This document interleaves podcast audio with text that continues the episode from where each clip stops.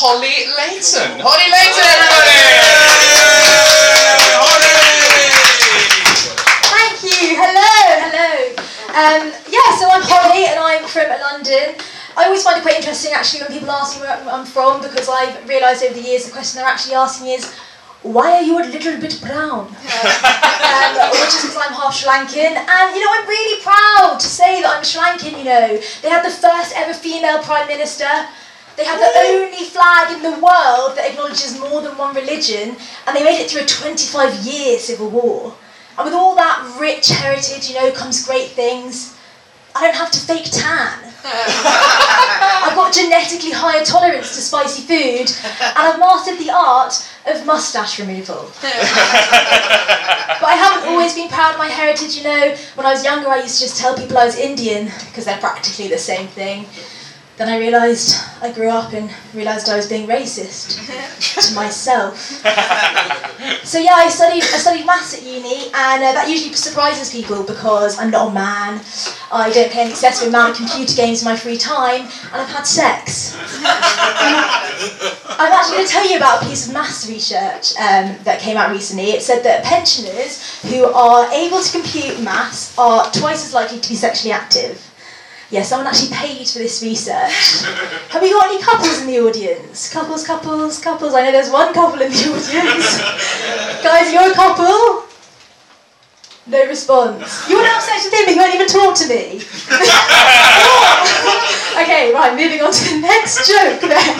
Because that one didn't go. Um, okay, so was upsetting. Um, alright, so anyway, so I've been um, I've been thinking a lot about this term millennials. Everyone's heard of that term? Yeah. Yeah. Um, I've just been wondering, you know, like what does it mean for me to be a millennial, you know, compared with say like, I don't know, my mother who's just a bitch. and people say that millennials that they're self-entitled narcissists, and you know, of course we are, because our parents worked so hard to give us a world where we can achieve whatever we want. My mum had to marry a man she didn't love to get enough money to leave Sri Lanka. Nowadays they call that gold digging. But back then it was still gold digging. and what I realised about being a millennial is that your midlife crisis, it comes in your 20s. Um, I recently had my midlife crisis, thanks. Um, and you know in a midlife crisis you normally like buy something outrageous and expensive that you don't need. I bought two pet rabbits. You also tend to like do something crazy and drastic with your style. I got a tattoo of a raccoon. and you also decide to take up a new hobby. And I decided to spend a significant amount of my time watching porn.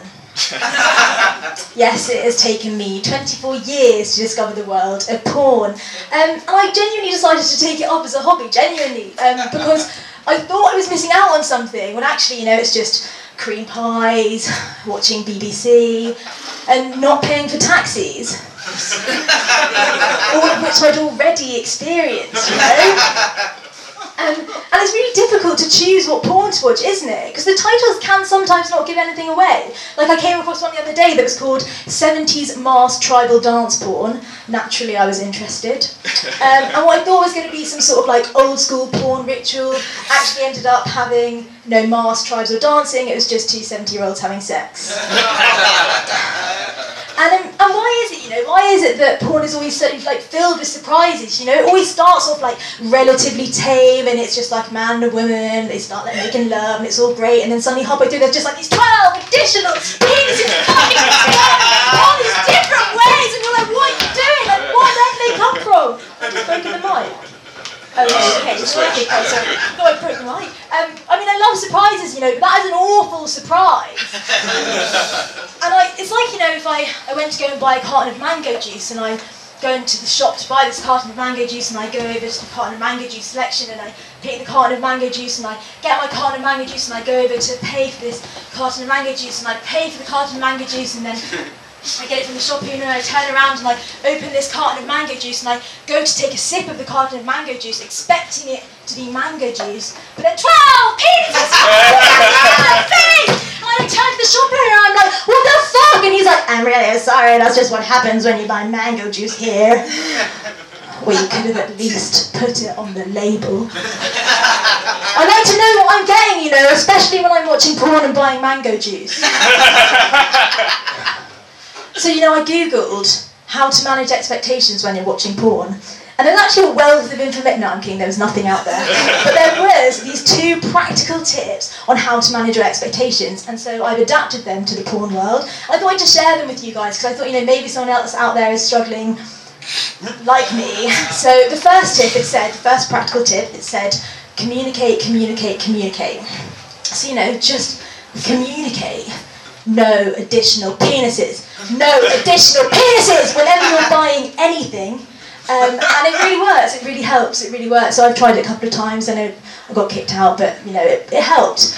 Um, and the second tip, it said make no assumptions. So you know, make no assumptions when you're watching porn. Apart from that, probably at the end he will be coming on her face because that's how all porn ends.